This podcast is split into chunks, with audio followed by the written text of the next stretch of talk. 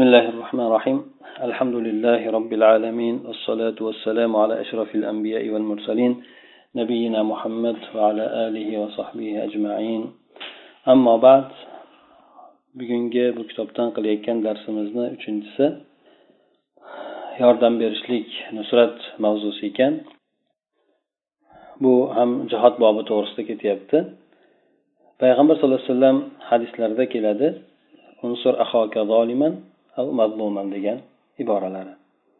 Ya'ni birodaringga yordam bergin. Yordam qilgin birodaringga. Ho zolim bo'lsin ho mazlum bo'lsin.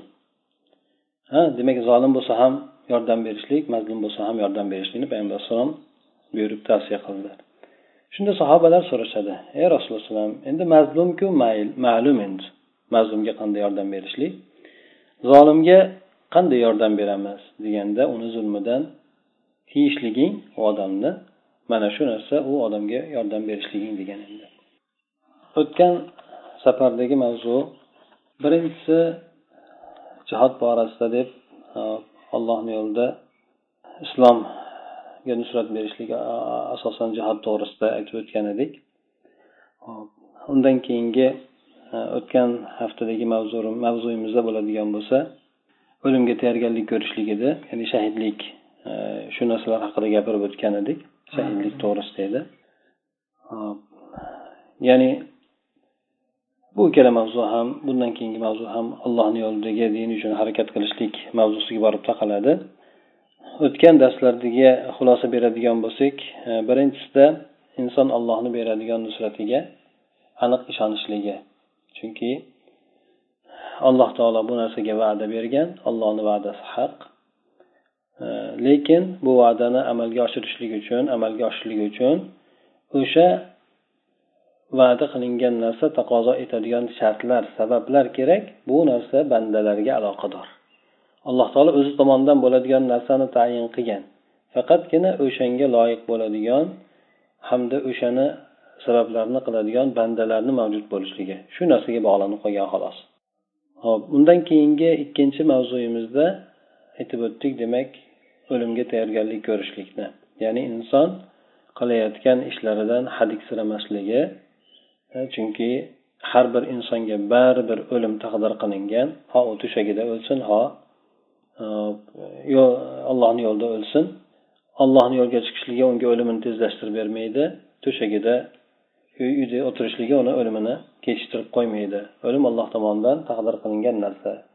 Lekin insonni o'sha o'lim uchun tayyorgarligini ko'rishligi ozuqani olishligi bunda katta farq bor deb aytgan edik inson iloji boricha oliyroq maqomda jon taslim qilishlikka harakat qilishligi bu ham alloh taoloni o'zi xohlagan bandasiga beradigan katta ne'mati deb aytib o'tuvdik endi bugungi mavzuyimizda bo'ladigan bo'lsa hop zaif kimsalarga yordam berishlik hamda zulmga zolimlarga beparvo bee'tibor bo'lmaslik mana shu haqida. Mana birinchi gap boshlaganimizda aytib o'tdik payg'ambar sallallohu alayhi vasallamni hadislarini birodaringga zolim bo'lsa ham mazlum bo'lsa ham yordam bergin deb. Demak mazlum bo'ladigan bo'lsa aniq nima narsa sohasida ya'ni zulmdan qaytarishlikka harakat qilishlik bo'ladi. Beriladigan fursatlarni hammasi bilan endi zolimni zolimga yordam berishlik bo'ladigan bo'lsa bu zulmidan uni tiyishlikka harakat qilishligi o'sha odamniga bo'lgan yordam bo'ladi. Sababi agar zulm qilmaydigan bo'lsa o'shanga yarasha ollohni huzurida javob bermaydi. Ya'ni katta bir gunoh kabira bo'lgan ishdan uni tiyishlik bilan bo'ladi.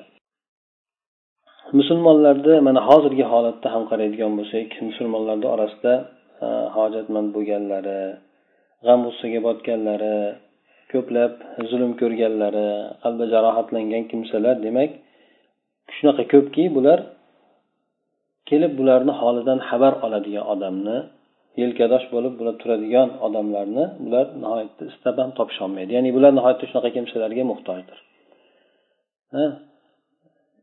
Demak ko'plab mazlum bo'lgan kimsalar bor hamda hojatmand bo'lgan g'am g'ussa tushgan odamlar bor. Bularga bular o'ziga yordam beradigan o'zini sohasida yordam berishga e, ya'ni faqatgina bu zulmgagina yordam berishlik emas bu mavzuyimizdagi bo'lgan narsa balki zaif bo'lgan kimsalarga qo'ldan keladigan yordamni qilishlik. Bu narsada biz zulmni aytib o'tdik zulm o'sha narsalarni ichida ko'zga tashlangani bo'lganligi uchun. Demak shunday bo'lgan kimsalar o'zlarini eshigini taqillatib keladigan odamlarga muhtoj ya'ni holdan xabar oladigan odamlarga muhtoj. O'sha ular bilan birgalikda g'amlarini ko'tarib tashlashlikka musibatlarni yengillashtirishlikka zulm qilingan narsalarni qaytarib berishligiga yordam qiladigan odamlarga nihoyatda muhtojdir. Bizni shariatimiz ikki tomonlama bu narsaga e'tibor bergan. Birinchidan o'shanday bo'lgan kimsalarga yordam berishlik qo'ldan keladigan narsasi bilan. Bu narsaga katta katta narsalarni va'da qilib o'tgan aytib o'tamiz. Hamda ikkinchi tomonlama. O'sha ularda g'am botishligiga sabab bo'ladigan zulmiga sabab bo'ladigan tomonga nisbatan inson demak ularga yordam bermasligi o'shalar bilan birga bo'lmasligi shu narsadan qaytargan. Ha? Demak mazlum bo'lgan odamga yordam berishlikka targ'ib qilib turib zolim bilan birga bo'lmaslik haqida shariat ko'rsatma bergan. Juda qattiq bu narsani qaytarib o'tgan. mana payg'ambar sallallohu alayhi vasallam mana keltirgan hadislarni ko'radigan bo'lsak juda bir qattiq suratda aytilgan hadislar bor shularni jumlasidan payg'ambar sallallohu alayhi vasallam aytadilarki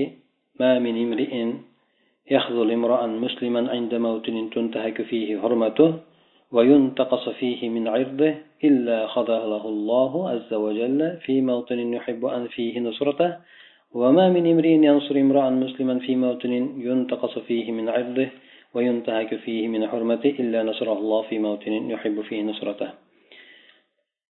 payg'ambar sallallohu alayhi vasallam aytdilarki qaysi bir kimsa birodarini hurmati poymol qilinayotgan o'rinda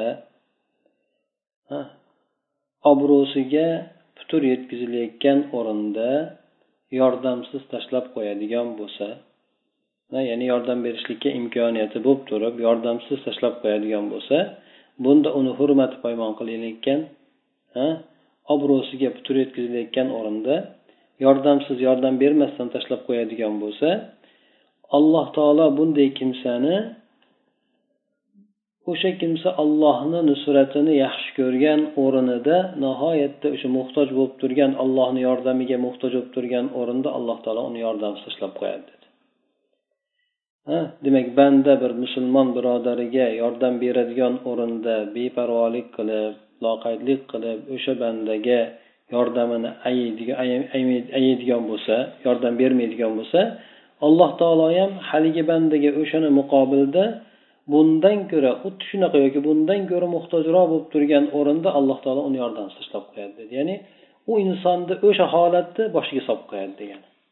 O'sha birodari qiynalganda yordam bermasa alloh taolo o'sha birodarini holatiga keyin u insonni ham tashlab qo'yadi yordam bermaganligi uchun. Lekin bunda u odamga hech kim yordam berolmaydigan qilib qo'yadi alloh taolo deb aytdi. Buni muqobilida qaysi bir banda bir musulmon birodariga musulmon bir kishiga ya'ni musulmon birodari deganda taniydimi tanimaydimi? Hop obro'siga putur yetkazilayotgan hurmati poymol qilayotgan o'rinda yordam beradigan bo'lsa alloh taolo o'sha bandaga yordamga muhtoj bo'lib turgan o'rinda nihoyatda alloh yordam berishligini yaxshi ko'rib turgan o'rinda alloh taolo u bandaga yordam beradi dedi. Bu yerda muqobila albin misl deb qo'yiladi. Ya'ni o'shani bir narsani o'zini o'zini muqobildagi bo'lgan narsa bilan tengshab qo'yishlik deydi. Ya'ni inson birodariga yordam berishligi imkoniyatida bo'lib turib nima narsa bilan bo'lsa ham ha obro'si bo'lsa bir og'iz so'z bilan. Ba'zi obro'li odam bo'ladi bir og'iz so'zi uning uchun yordam bo'ladi. Ba'zan u odamni yonida turishlik bilan. Ba'zan o'sha odamga o'zi imkon topolmasa yordam beradigan odamga yetkazib qo'yishlik bilan. Ha mana payg'ambar sallallohu alayhi vasallam davrlarida e, u kishini mushriklar qattiq qiynab masjidda kabada namoz o'qiyotgan vaqtda ustiga nimani tashlaydiku o'tgan safarda ham aytib o'tgan edik o'shanda abdulloh masud roziyallohu anhu o'zi o'shanga jur'at topolmadi o'zida. Payg'ambar alayhissalomni ustidan o'sha narsani olib tashlashlikka yonida turib himoya qilishlikka chunki holat juda qaltis bo'lgan. Ha bu kishi e, jonini tikishligi mumkin bo'lgan o'sha o'rinda. Shuning uchun bu kishi undan ko'ra yengilroq bo'lgan narsaga o'tdilarda fotima onamizga borib turib o'sha zulmni ko'tarib qo'yishga sabab bo'ladigan odamga borib o'sha xabarni yetkazuvdi. U kishi kelib o'sha ishni bajardi. Bu yerda abdulloh masud roziyallohu anhu demak o'zini zimmasidagi bo'lgan vazifani ado etdi. Beparvo qolmadi.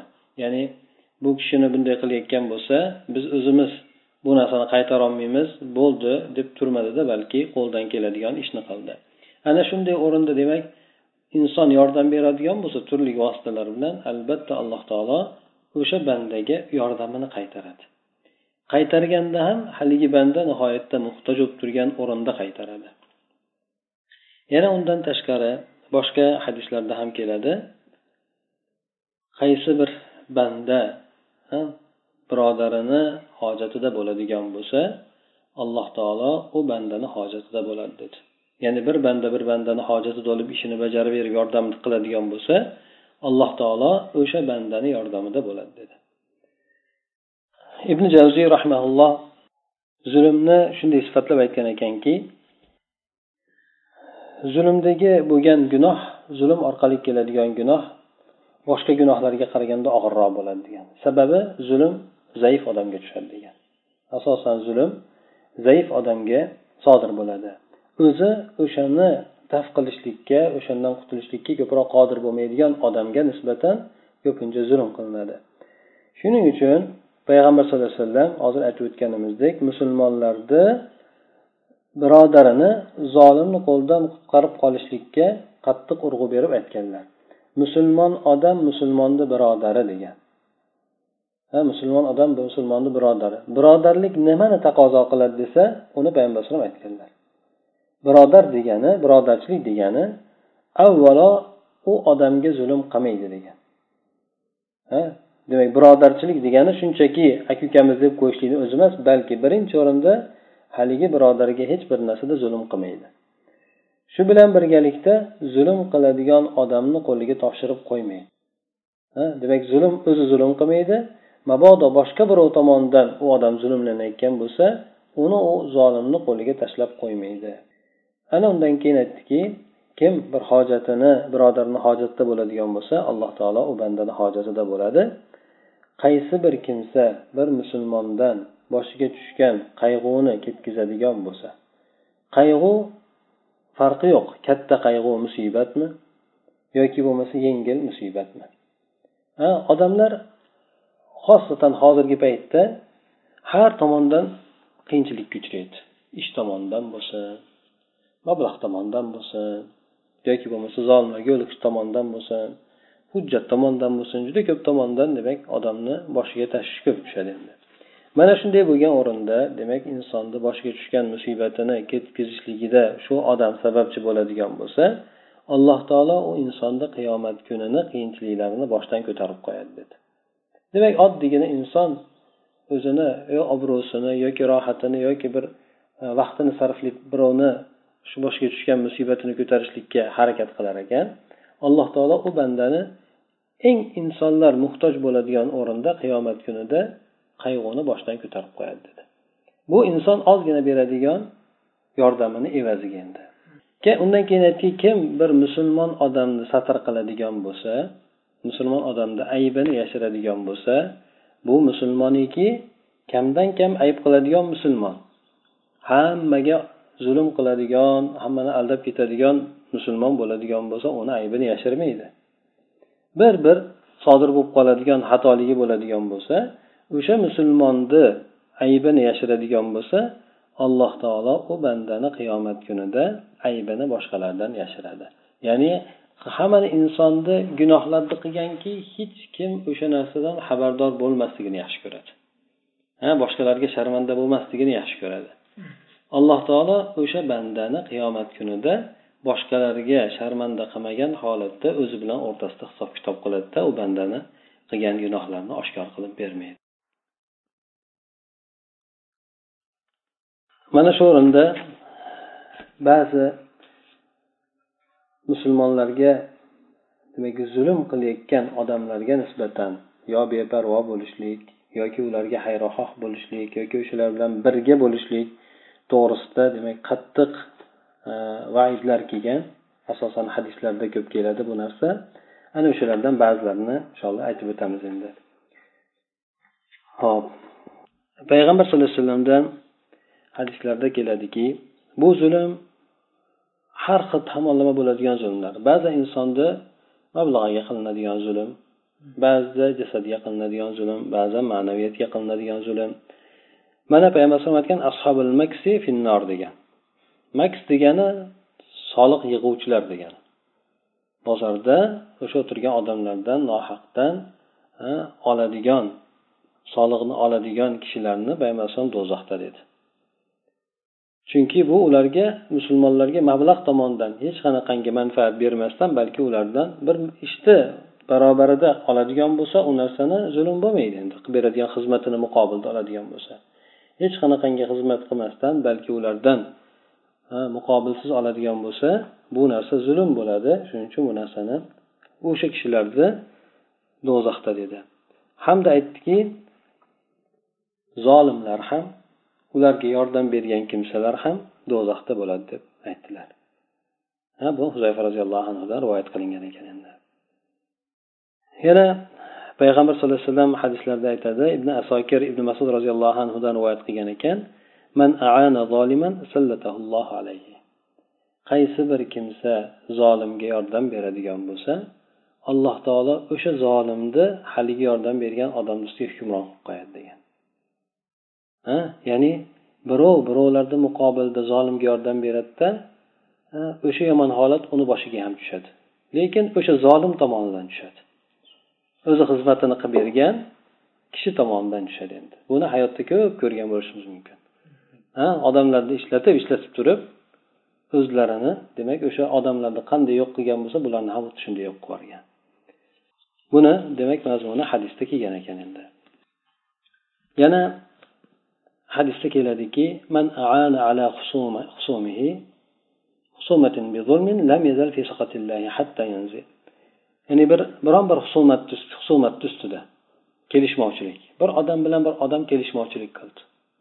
Yoki ho o'zi bilan boshqa odam bo'lsin yoki bir odam bilan boshqa bir odam bo'lsin bir husumat qilib kelishmovchilik bo'ldi. Shunda husumat qilingan tomonga tomonga qaysi biriga bo'lsin zulm bilan yordam beradigan bo'lsa ya'ni u zulm zolimligini bilib turib unga yordam beradigan bo'lsa ha nohaqligi ustida unga yordam beradigan bo'lsa bu banda allohni g'azabida davom etadi. Hatto o'sha narsadan qutulgunigacha o'sha berayotgan zulmidan tiyilmagunigacha alloh taoloni g'azabida bo'ladi g'azabida bo'lib davom etadi dedi endi. Buni ibn umar roziyallohu anhudan rivoyat qilgan ekan. Bundan ko'ra qattiqroq aytilgan hadislar mana mustadrakda hokimdan ibn abbos roziyallohu anhudan rivoyat qilib keltirar ekan من أعان ظالما ليدحض بباطله حقا فقد برئت منه ذمة الله وذمة رسوله qaysi bir kimsa zolimga yordam bersa bu zolimga yordam berayotganda uni botili sababli haqni yo'q qilishlik uchun yordam bersa botilini ko'tarib chiqib haqni yo'qotishlik uchun yoki haqni ustidan o'sha botilni g'olib qilishlik uchun yordam beradigan bo'lsa ollohni zimmasi ham rasulni zimmasi ham unday bo'lgan kimsadan pok bo'ladi dedi. Olloh va rasuli unday bo'lgan kimsadan demak zimmasini olib tashlaydi. Ya'ni ollohni zimmasida bo'lmaydi payg'ambarni ham zimmasida bo'lmaydi. Qachoniki banda zolimga yordam bersa botilini ro'kach qilib haqni ezishlik uchun yordam bersa. Bu o'zimizda qancha qancha imomlarni minbardan qilayotgan narsalari ham shunga o'xshab ketadi. Botilni ro'yobga chiqarishlik botilni ko'tarib chiqadida bu bilan haqni bostirishlikka harakat qiladi. Bunday bo'lgan odamlardan alloh va rasulini zimmasi pok bo'ladi dedi. Yana bundan ham ko'ra og'irroq bo'lgan hadisda keladiki tabariy bilan ziyol maqdisiy rivoyat qilgan ekan avs ibn shurahbil roziyallohu anhudan. من نشا مع ظالم ليعينه وهو يعلم أنه ظالم فقد خرج من الإسلام ya'ni kim zolim bilan birga unga yordam berishlik uchun yuradigan bo'lsa zolim bilan birga uni qo'llab quvvatlaydigan bo'lsa lekin bilsaki uni zulm qilayotganligini zulm qilayotganligini bila turib zolimni qo'llab quvvatlaydigan bo'lsa bunday kimsa islom dinidan chiqib ketgan bo'ladi deb aytilgan ekan Demak bu judayla og'ir aytilgan narsa. Xosatan insonlarni dini borasida zulm qilayotgan kimsaga yordam beradigan bo'lsa zolimligini bilgan holatda bu hadisda demak islomdan bunday kimsa chiqib ham ketib qoladi deb aytgan ekan endi. Haqni aytolmaydigan bo'lsa qodir bo'lmasa nohaqni aytishlikka ruxsat berilmaydi. Haqni aytolmagandan keyin qodir bo'lmasa qudrati yetmasa o'rniga nohaqni aytmaslik kerakda. Aytolmayapsanmi? O'shanda o'shanda turgin endi uni o'rniga nohaqni rivojlantirib aytadigan bo'lsa demak bu odam nafsini deb turib yoki ollohni yo'lida malomatchini malomatdan qo'rqib qilayotganligi bo'ladi endi. Bu odamda iymonni nihoyatda zaifligi allohga bo'lgan ishonchi qadarga bo'lgan ishonchi oxiratga bo'lgan ishonchini nihoyatda zaifligi sabab bo'ladi bu narsaga. Insonda birovga zulm qilishlikdan payg'ambar alayhissalom qattiq ogohlantirib aytdilarki mazlumni duosidan qo'rqinglar dedi.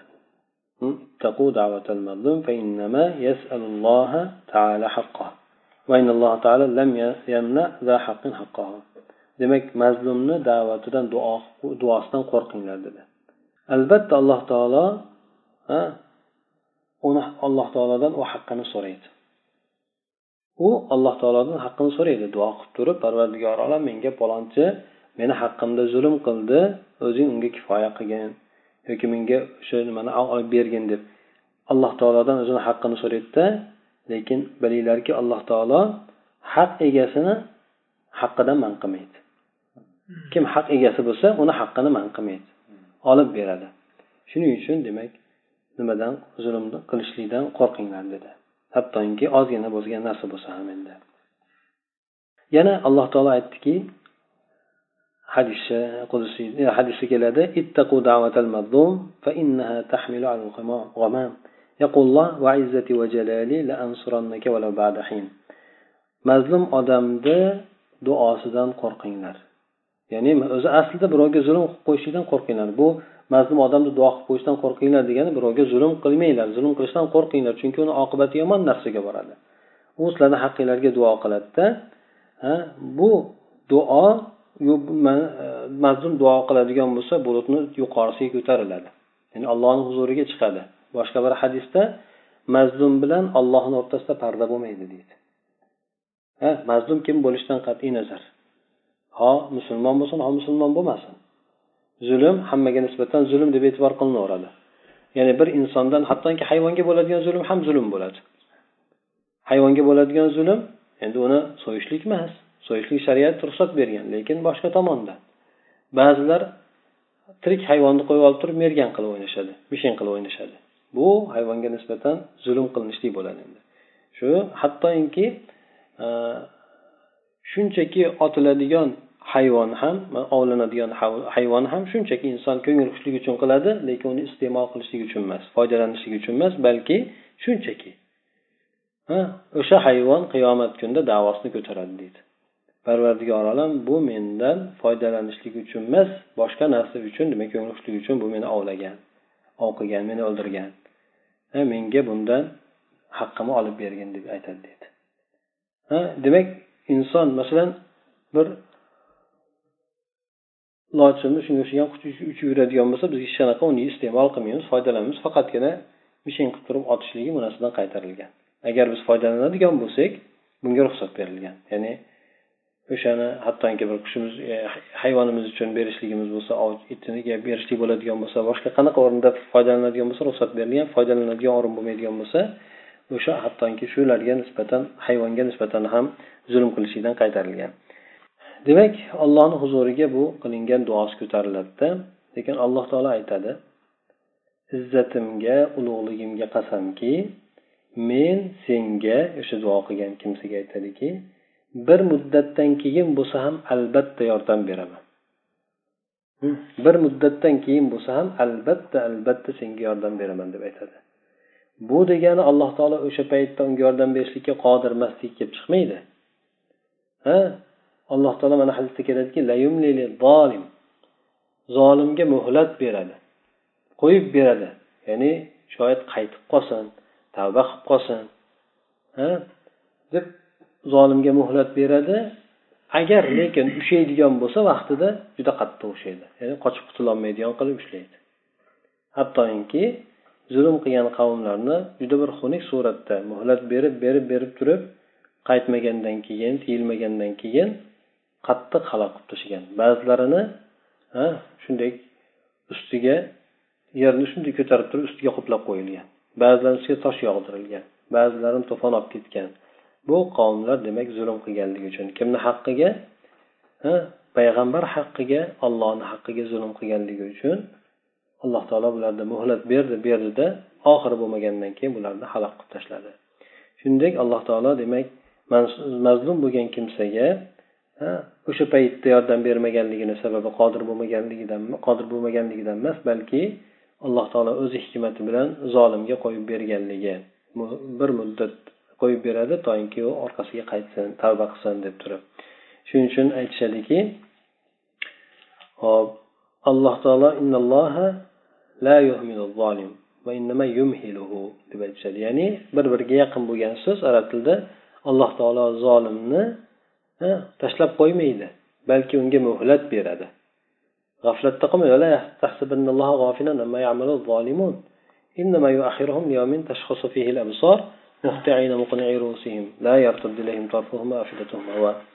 ya'ni siz alloh taoloni zolimlar qilayotgan ishdan g'aflatda deb o'ylamang. Ta'kidlab aytdi. Ya'ni ta'kidlab alloh taolo qattiq suratda aytdiki ta'kidlab siz zolimlar qilayotgan ishidan alloh taoloni g'aflatda bee'tibor shunchaki qo'yib qo'ygan deb o'ylamang.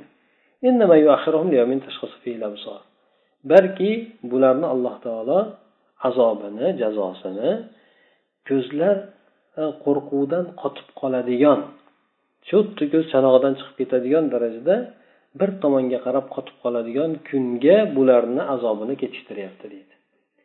Bu shunday kun deb alloh taolo sifatladiki qiyomat kunini inson ba'zida bir narsadan qo'rqib qoladigan qattiq qo'rqadigan bo'lsa ko'zi harakatlanmasdan bitta nuqtaga qarab qotib qoladi. Xuddi shu narsani aytdi. Ko'zlari tepaga qaragan holatda dahshatdan qatib qoladigan kunda dedi. O'sha kunda qiyomat kunida bular javob beradi. Lekin alloh taolo bu bu hayot dunyoda qo'yib qo'yishligini sababi demak ularni g'aflatda deb o'ylamanglar. Alloh taoloni o'zi hikmati bor. Mana yana bu yerda haligi aytib o'tganimiz aytdiki mazlumni duosidan qo'rqinglar garchi kofir bo'lsa ham. Chunki u bilan ollohni o'rtasida parda bo'lmaydi. Zulmni alloh taolo har turini harom qilgan. O'zi ham zulm qilmaydi bandalar o'rtasida ham bir birlariga zulm qilishlikni alloh taolo qaytadi ho musulmon kofir bo'lsin ha musulmon musulmonga nisbatan bo'lsin hamma o'rinlarda demak zulm bo'ladigan bo'lsa alloh taolo qattiq qaytardi endi. yana bir hadisda ali roziyallohu anhudan rivoyat qilingan hadisda aytilgan ekanki اشتد غضب الله على من ظلم من لا على من ظلم من لا يجد ناصرا غير الله ya'ni ishtadalloh ala man zalam alloh taolo zulm qilgan odamga qattiq g'azabi keladi lekin qanday odamga zulm qilgan yordamchini topolmaydigan odamga zulm qiladigan kimsaga demak birovga birov hech kim uni quvvatlamaydi. Hech kim unga yordam bermaydi. Shunday bo'lgan odamga zulm qiladigan odamga allohni g'azabi qattiq bo'ladi dedi. Ya'ni bu juda bechora hol yoki bo'lmasa aytaylik zaif bo'lgan odamlarga agar ular tanish bilishi bo'lmasa o'zi ko'proq zulm shularga qilinadi. Hmm. tanish bilishi bo'lmagan mavqesi pastroq bo'lgan keyin undan o'ch ololmaydigan kimsalarga nisbatan qilinadi ana o'shanday bo'ladigan odamlarga qiladigan bo'lsa zulmni alloh taoloni o'shanday bo'lgan bandaga o'zimi juda qattiq bo'ladi deb aytilgan endi yana bu yerda bir hadisda keltirgan ekan. Ey insonlar alloh taolodan taqvo qilinglar. Allohga qasamki bir mo'min bir mo'minga zulm qiladigan bo'lsa albatta alloh taolo u zulm qilgan kimsadan qiyomat kunida o'ch olib beradi deb. Demak birovda bu aytib o'tgan hadislarimiz demak bu gaplar gapirib o'tayotgan mavzuyimizni bir tomoniga zolim bo'ladigan bo'lsa o'sha zolimga inson xayrixoh ham bo'lmasligi o'shanga nisbatan beparvo ham bo'lmasligi ham eng yomoni demak unga yordam bermasligi. Mana shu to'g'risida bo'ladigan demak hadislarni aytib o'tdik endi. Endi mazlumga yordam berishlik to'g'risida aytib o'tadigan bo'lsak mana payg'ambar alayhissalom hadislarni aytib o'tdi. Inson agar imkoniyati bo'lib turib yordam bermaydigan bo'lsa alloh taolo o'sha kimsani yordamsiz qolib qo'yadi. Qachon? Haligi inson nihoyatda yordamga muhtoj bo'lib turgan o'rinda dedi. Payg'ambar sallallohu alayhi vasallam o'zlari mana da'vatni boshlarida bo'ladigan bo'lsa sahobalar ortiq darajada zulmlanib ketdi. Makkada turgan vaqtlarida har tomonlama zulmga uchrashdi. Bir zulmga uchrashligi makkadagi zodagonlar tomonidan uchradi zulmga. O'zini qavmidan uchrashdi. Uchinchisi o'zini ahlidan uchrashdi. O'zini ahli ham mana aytaylik sad ibn abi vaqqos bo'lsin yoki bo'lmasa xizmatkorlar bo'lgan bilol roziyallohu anhu bo'lsin habbobni arab bo'lsin bular o'zini oilasini ichida o'zi o'sha e, e, yashayotgan yo xizmat qilayotgan joyida azoblanishdi. Qattiq azoblanishdi. Ana undan keyin ularni qavmlari ham azoblashdi. Qavmlari demak bu o'zini urug' aymoqlari. Undan keyin makkadagi katta zodagonlar tomonidan zulmlanishdi. Bu zulm payg'ambar sallallohu alayhi vasallamga ham tushdi abu bakrga ham tushdi. Demak boshqa zaif bo'lgan kimsalarga qattiqroq tushdi. Hattoki ba'zilari shu zulmni azobi ostida o'lib ham ketishdi endi payg'ambar sallallohu alayhi vasallam shunday bo'lgan kunlarni birida aytadilarki man yuvini man yansuruni kim menga joy beradi? Ya'ni haj mavsumlarida har tomondan keladigan hojilarga payg'ambar alayhissalom har yili borib turib ularga islomni ko'ndalang qilishlik bilan birgalikda da'vatni yoyishligi uchun tarqatib olishligi uchun bir joy asosiy manba bo'ladigan joyni payg'ambar alayhisalom qattiq qidirganlar. O'shandan o'sha qabilalarga murojaat qilgan. Kim bizga demak joy berib turib bizga yordam beradi? Bu dinimizni tarqatishlikka deb. O'shanda payg'ambar sallallohu alayhi vasallam makka atrofidagi qabilalardan yordam ololmagandan keyin ansorlar borib qoladi. Ansorlar bilan bo'lgan bayatda payg'ambar sallallohu alayhi vasallam o'zlariga yordam berishlikni shart qiladi. Yordam berishlikni shart qiladi. Ana ular insonlar payg'ambar alayhisalomga keyin u kishi madinaga borgandan keyin qattiq yordam berishadi.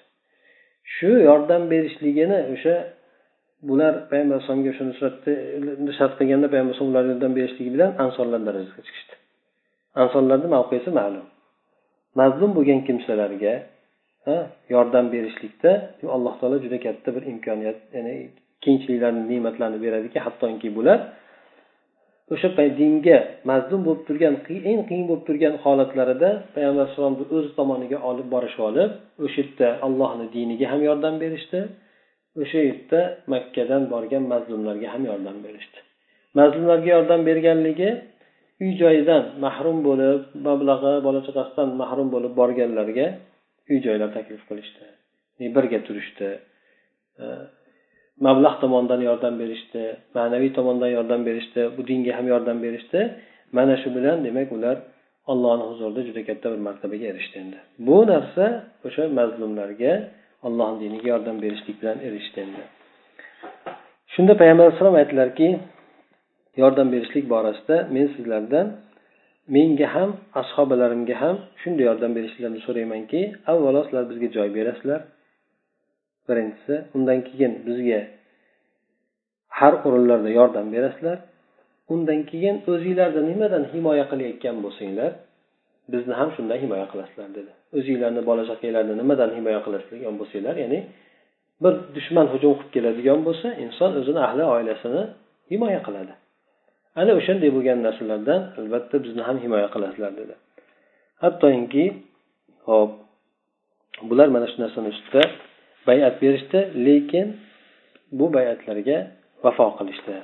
Ana o'shandan e, bular erishgan narsasi eng yuqori darajalardan biri bo'ldi.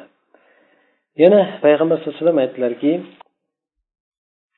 man nasra bi g'aybi nasrahullohu fid dunya val axirah bu insonlarga eng ko'p kerak bo'ladigan o'rni inson g'oyiblik yo'q bo'lgan o'rnida birodari uchun yordam berishligi. Bu qaysi o'rinlarda bo'ladi?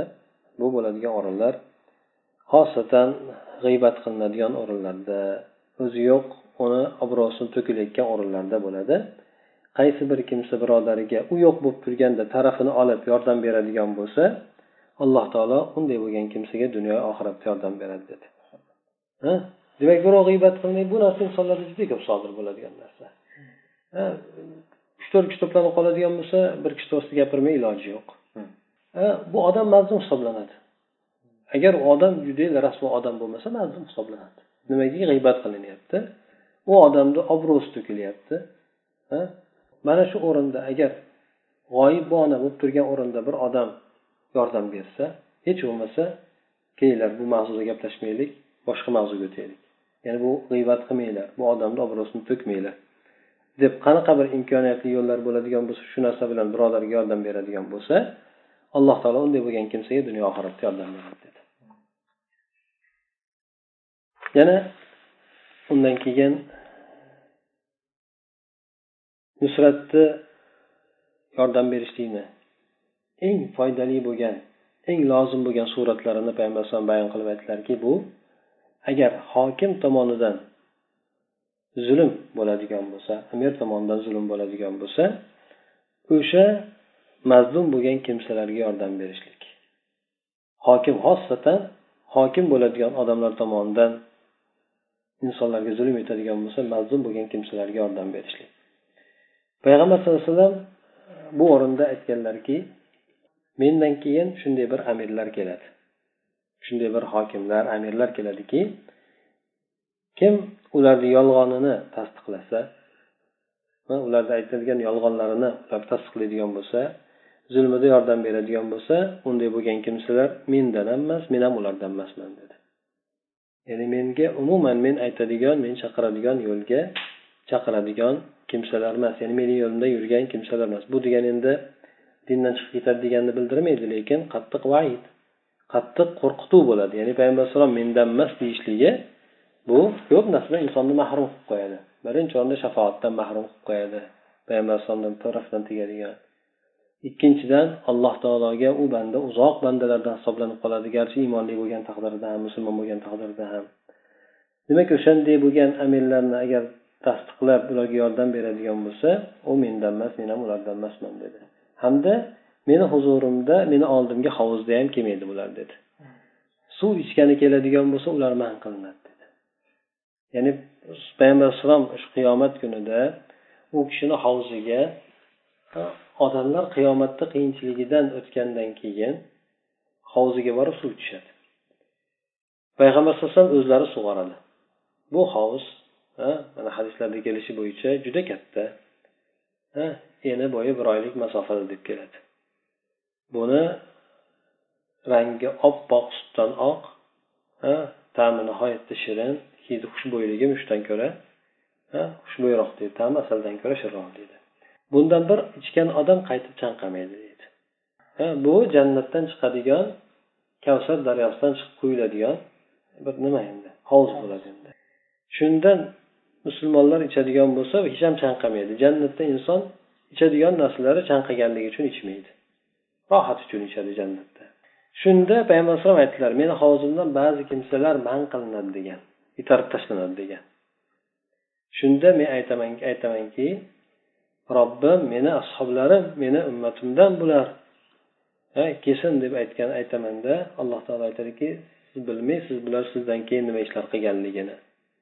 deb sohqon sohqon deydi ya'ni uzoq bo'lsin bular uzoq bo'lsin deb turib o'sha nimadan hovuzdan chetlantiriladi bularni mana shularni demak orasida o'sha zolimlar bilan birga bo'lib turib o'shalarga yordam zulmiga yordam beradigan yolg'onni tasdiqlaydigan kimsalarni aytib o'tilyapti ha mana o'ylab ko'radigan bo'lsak inson ba'zan o'zini o'ylab oilasini o'ylab ba'zan mansabini o'ylab yoki bir mablag' umidida yoki mansab umidida mana shunaqa ishlarga qo'l uradi.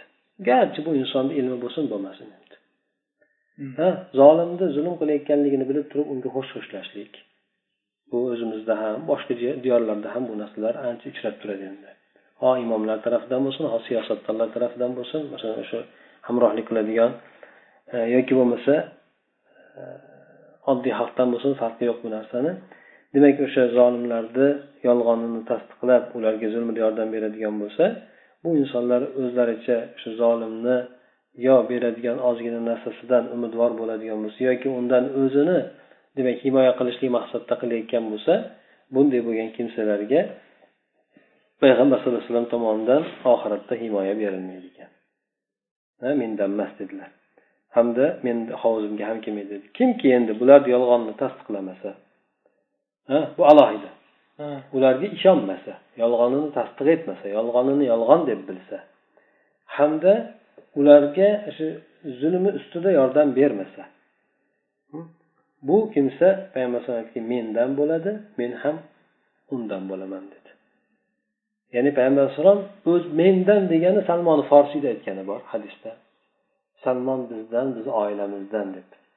Ya'ni nihoyatda o'ziga yaqin olganligidan aytgan bu narsani. Bu mendan deb qo'yishligi shunchaki musulmonlar jumlasidan deganligi emas balki payg'ambar alayhisalom o'ziga yaqinlashtirgan suratda aytdi. Hamda bu kimsa havzimga keladi dedi. Farqi demak zulm bo'layotgan o'rinda zulmga xayroxoh bo'lmaslik zulmiga yordam bermaslik. Mayli endi zulmiga qarshi yordam berishlik to'g'risida gapirgani yo'q bu yerda. Bu endi undan ko'ra yuqoriroq bu jihod bobiga kiradigan narsa zulmga qarshi yordam berishlik degani. Lekin hech bo'lmaganda inson egallaydigan mavqei ularni yolg'onini tasdiqlamaslikda hamda tasdiqlashlikka qo'ymaslik boshqalarni ham hamda o'sha ularni zulmi ustida yordam bermaslik hech bo'lmaganda. Zulmiga qarshi kurashlik bu insonni darajasini ko'taradigan narsa. Bu jihod bobida aytib o'tgan deganda. Payg'ambar sallallohu alayhi vasallam bu xosatan mana bu rum haqida yoki bo'lmasa mana bu diyorlar haqida xristianlar haqida hadislarida birida aytib o'tgan paytida bularda to'rtta xislat bor deb aytgan. Hm? Haqiqatdan endi ba'zi xislatlari hozirgi kunda ham ko'rinib turadi endi. Bularda shunday bir xislat bo'ladi bularda. Bu romliklarda deydi. Rom ya'ni yevropaliklarni g'arbliklarni aytadi. Bular fitna vaqtida odamlarni eng halimi bo'ladi dedi. Ya'ni fitna bo'ladigan bo'lsa odamlar to'g'risida gapirilyapti endi.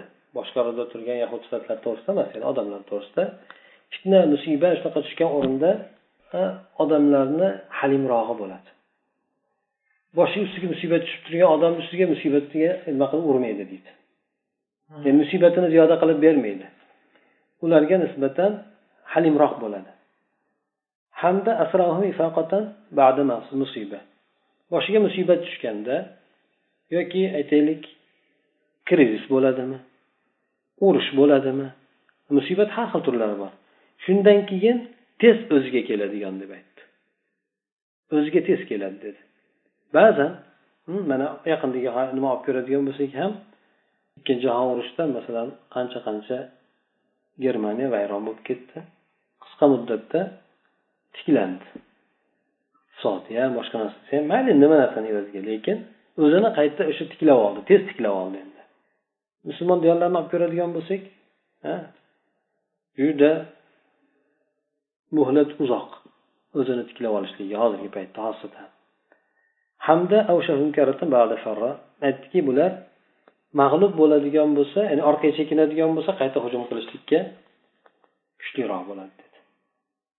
Ya'ni bular mag'lub bo'ladigan o'rinda tezroq o'zini tiklab oldinga hujum qilishlikka harakat qiladi deydi ya'ni mag'lub bo'lib qoladigan bo'lsa o'tirib bo'ldi qilib turib hamma yoqni yig'ishtirib qo'ymaydi.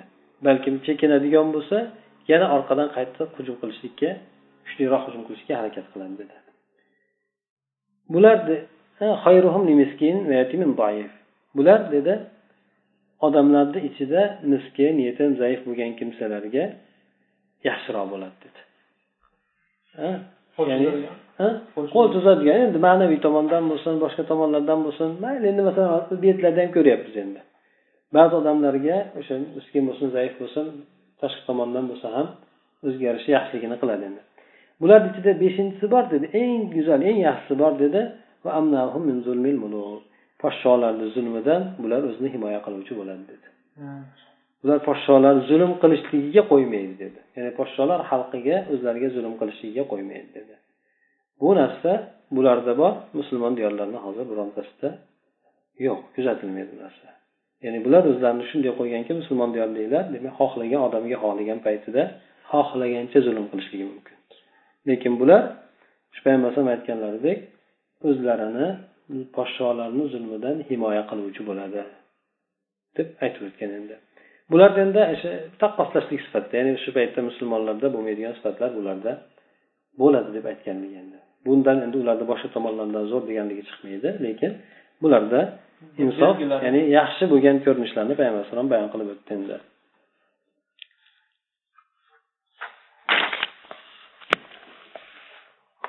hop endi nusratni eng yuqori bo'ladigan surati haq uchun yordam berishlikdir. Demak biz zulm uchun mazlum uchun yordam berishlikni aytib o'tdik mazlum bo'lgan odamga zolim bilan birga bo'lmaslik haqida gapirib o'tdik. Eng bularni eng yuqorisi yordam berishlik haq uchun yordam berishlik bo'ladi. Haq uchun yordam berishlik olloh uchun ollohni dini uchun yordam berishlik.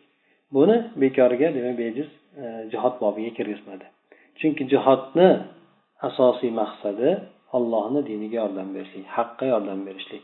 Mana shu o'rinda u jihod jihod bo'ladi.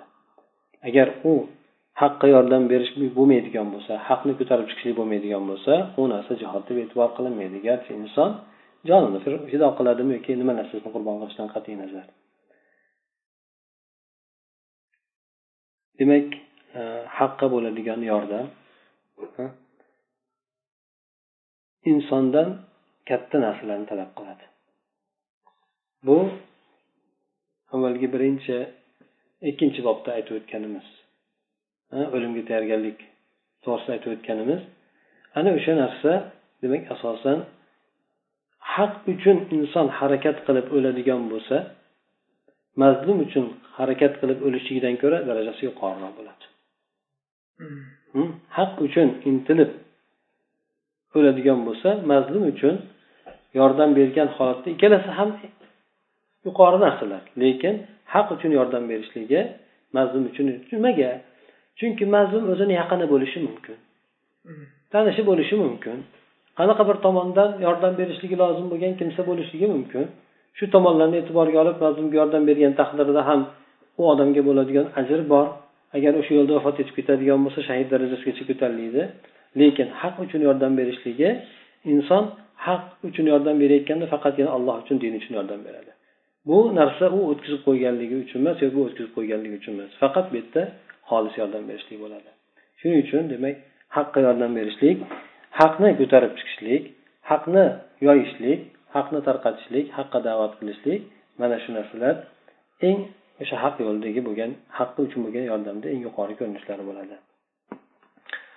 Ho'p demak bu o'zimizni o'sha jihod bobiga qaraydigan bo'lsak birinchi bobda aytib o'tdiki inson ollohni beradigan nusratiga aniq ishonch hosil qilishligi bu narsada ikkilanmasligi shubhaga tushmasligi. Chunki u narsani va'da qilayotgan zot butun yer osmonlar hammasi bandalarni ishlariyu holatlari hamma narsasi qo'lida bo'lib turgan zot va'da qildi. Bu birinchidan. Ikkinchidan u va'da qilgan zot va'dasiga xilof qilmaydi. Aytgan narsalar albatta sodir bo'ladi. Lekin bu narsalarni alloh taolo bog'lab qo'ygan. Sabablarga bog'lab qo'yganki bu sabablardan birisi musulmonlarga yordam berishligi o'rnida alloh ularga shart qilgan narsalardan bittasi o'zinglar imkoniyatinglarda bo'ladigan quvvatni dushman uchun tayyorlab qo'yinglar dedi. Bu quvvat ba'zan qurol yarog'ni taqozo qiladi. Qurol yarog' bo'lishligi chunki dushman nima bilan qo'rqadi? Ba'zi o'rinlarda qurol yarog' bilan qo'rqadi. Ba'zi o'rinlarda fikr bilan qo'rqadi. Fikrdan qo'rqishligi qurol yarog'dan qo'rqishligidan ko'ra kuchliroq bo'lishi mumkin. Ba'zan shunday holat bo'ladiki qurol yarog'dan ko'ra fikrdan yoki bir siyosiy bo'lgan harakatdan qattiq qo'rqadi. Mana shu bo'lgan narsalarni tayyorlanglar dedi. Har zamonda o'ziga yarasha quvvati bor. Payg'ambar alayhisalom davridagi quvvat merganlik bo'lgan kamon otishlik bo'lgan qilichbozlik bo'lgan. Mana shu narsa quvvat bo'lgan. Undan keyingi davrlarda o'ziga yarasha dushmanni dushmanni qo'rqitadigan quvvat bo'lgan endi. Ba'zilarda miltiq bo'lgan bo'lsin avtomat bo'lgan bo'lsin samolyot bo'lgan bo'lsin bu narsalar ham lozim. Lekin hozirgi paytda bular bilan birgalikda ularni qattiq qo'rquvga soladigan narsa musulmonlardagi musulmonlardagi siyosiy fikrlar. Mana shu narsa ularni qattiq qo'rquvga soladi. Shuning uchun u narsani butunlay yo'q qilishlikka harakat qiladi. Chunki qurol bilan ishlayotganlar qurol bilan ishlayotganlarda unchalik bular cho'chimaydi. Chunki ularni quroldan ko'ra bularda bir necha barobar qurol kattaroq. Lekin odamlarni uyg'otib qo'yadigan odamlarni fikrini ochadigan odamlar bilan qattiq kurashadi. O'sha narsaga imkoniyat yaratib bermaydi. Chunki bu narsa ular uchun qattiq quvvat hisoblanadi katta kuch hisoblanadi endi. Ikkinchisi bu birinchisi bo'ladigan bo'lsa ikkinchisida alloh taolo aytdiki musulmonlarni zikr qilib turib aytdiki mazlum bo'lgan odamlarni zikr qilib turib alloh taolo bunday bo'lgan kimsalarga yordam berishlikka qodir dedi bunday bo'lgan kimsalarga alloh taolo yordam berishlikka qodir lekin bular qanday sifatda bo'lishi kerak الذين إن مكناهم أقاموا الصلاة وأمروا بالمعروف وآتوا الزكاة وأمروا بالمعروف ونهوا عن المنكر ولله عاقبة الأمور alloh taolo bularga yordam beradiyu lekin bu yordam beradigan kimsalar shunday kimsalar bo'lishi kerakki agar biz ularga yerda imkoniyatni beradigan bo'lsak hukmronlikni beradigan bo'lsak hmm, bu kimsalar namozni barpo qiladilar zakotni ado etadilar ya'ni allohni aytganlarini qiladilar amri ma'ruf nahiy munkar ishlarini qiladilar. Mana shunday agar biz ularga imkoniyatni berib hukmronlikni berganimizdan keyin ham shu narsalarni qiladigan bo'lsa biz o'shanday bandalarga yordam beramiz dedi. Demak musulmonlarni hozirgi tuni kuni emas balki bundan keyingi kelajakdagi kuni ham alloh taolo bu narsaga ham bog'lab qo'ydi beradigan nusratini. Ba'zida bo'lishi mumkin hozirgi paytda odamlar tuzukka o'xshaydiku lekin hokimiyat qo'lga tushadigan bo'lsa o'zidan ketib qoladigan o'rinlari bo'ladi. Ancha izdan chiqib ketib qoladigan o'rinlari bo'ladi. Mana shunaqa bularga alloh taolo nusratini va'da qilmadi balki avval qanday bo'lsa hokimiyatga erishgandan keyin shunday bo'lib davom etadigan bo'lsa ana unday kimsalarga alloh taolo nusratni berishligini aytdida lekin bu narsani alloh taolo taqvodorlarniki bo'ladi dedi. Ya'ni allohni aytganini qilib qilma qilmaydiganlar qilmaydigan kimsalarniki bo'ladi dedi. Yana boshqa o'rinda alloh taolo aytadiki ya'ni alloh taolo sizlardan iymon keltirgan yaxshi amal qilgan kimsalarga va'da qildi. Ularni yerda xalifa qilishlik bilan hukmron o'rinbosar qilishlik bilan alloh taolo va'da berdi. Chunonki avvalgi odamlarga va'da bergan edik. Hmm. avvalda ham demak bu ummatni avvalida bo'lsin u oldingi ummatlarda bo'lsin alloh taolo ya'ni bu yerni solih bandalarga alloh taolo meros qilib berishligini bayon qilgan. Avvalda ham alloh taolo o'sha o'zini diniga yordam beradigan iymon keltirgan taqvoli bo'lgan kimsalarga nusratni bergan. Bu ummatda ham xuddi shunday bo'lgan kimsalarga va'da qildi. Ya'ni iymon keltirgan bo'lishlik kerak solih amal qilgan bo'lishi kerak. Alloh taolo nusratiga erishishlik uchun. Bu kimsalarga demak mengagina ibodat qiladi. Ya'ni men uchun xizmatni men uchun qilishadi xolis qiladi. Ha bular mansabga erishishlik uchun emas dunyoga erishishlik uchun emas balki men uchun xolis qiladida bunda bironta narsani shirk keltirishmaydi. Ya'ni shirk keltirish deganda inson albatta bir butga borib sig'inishlik emas balki niyatida ham allohga boshqa biron narsani sherik qilmaydi. Faqat allohga nimani sherik qilish mumkin? Allohga sherik qiladiganlar ba'zida mansab sherik qilishi mumkin mansabga erishishlik uchun bo'ladigan bo'lsa ba'zida dunyoda inson o'sha orqali dunyo topaman deb e, harakat qilishi mumkin yoki mansabga erishaman deb turib yoki obro' topaman deb harakat qilishi mumkin. Bunday bo'ladigan kimsalarga garchi iymonli bo'lsa ham amali solih qilgan bo'lsa ham alloh taolo va'da bermadi. Nusratini berishlikka. Alloh taoloni nusrati saralanib saralanib qolgan kimsalar uchun berishligini aytib o'tgan.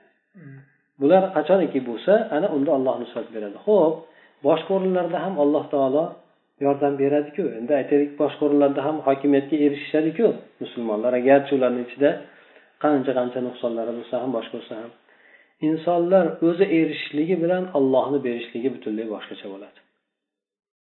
Insonlar o'zlari erishishligi bilan olloh berishligini o'rtasida farq bo'ladi. Mana bir hadisda keladiki kim hokimiyatga o'zi intiladigan bo'lsa ya'ni boshqa nima yo'q taqozo qiladigan narsasi yo'q o'zi intilyapti bu odam. Alloh taolo bu kimsani o'ziga topshirib qo'yadi dedi. Hokimiyat ishlarini o'ziga topshirib qo'yadi alloh tomonidan yordam bermaydi. Lekin qaysi bir kimsani o'sha narsaga taklif qilinsa yo boshqa imkoniyat bo'lmasdan shunga saylanadigan bo'lsa ya'ni bu odam xudo uchun bo'pti mayli bajaraveraman desa birinchi odam intilishligi ko'proq intilgan odamda yo oldinga chiqishlik yo dunyo egallashlik yo martaba topishlik shunaqa narsalar ko'proq g'olib bo'ladi endi. Agar shunaqa maqsadda inson erishadigan bo'lsa bunday bo'lgan kimsalarga alloh taolo yordamini bermaydi bu hokimlik qilaveradi lekin alloh taolo yordam yordam bermasligi qanaqa?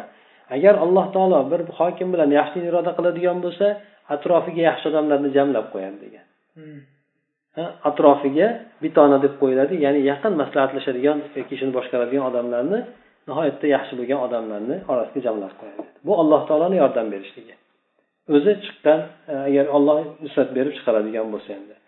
Agar alloh taolo u banda bilan yaxshilikni iroda qilmasa atrofiga rasvo bo'lgan odamlarni jamlab qo'yadi ular demak birga qo'shilishib gunohlarga sherik bo'laveradi. Demak hokimiyatga bu intiladiganda demak alloh taolo o'z tomonidan nusrat berib insonlar shunga loyiq bo'ladigan bo'lsa o'shanga yetib boradigan bo'lsa alloh taolo bular uchun keyin imkoniyatlarni ochib beradi. Lekin insonlar o'zlari erishishligi mumkin erishib agar u narsadan isloh qilib ketishmaydigan bo'lsa bular alloh taolo beradigan ko'p narsalardan mahrum bo'lib qolishadi. Bu narsa egallagan hokimiyati manfaatiga emas ko'proq zarariga ketadi. Xosatan o'sha shaxslarni o'zlarini. Ha?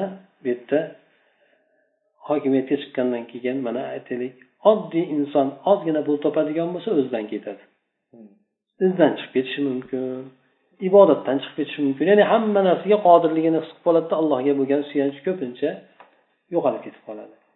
Hokimiyatga chiqqan odamni zulm qilmasligi kamdan kam shuning uchun haligi qiyomatda soyada bo'ladigan kimsalarni bayon qilib o'tganda adolatli xalifa degan.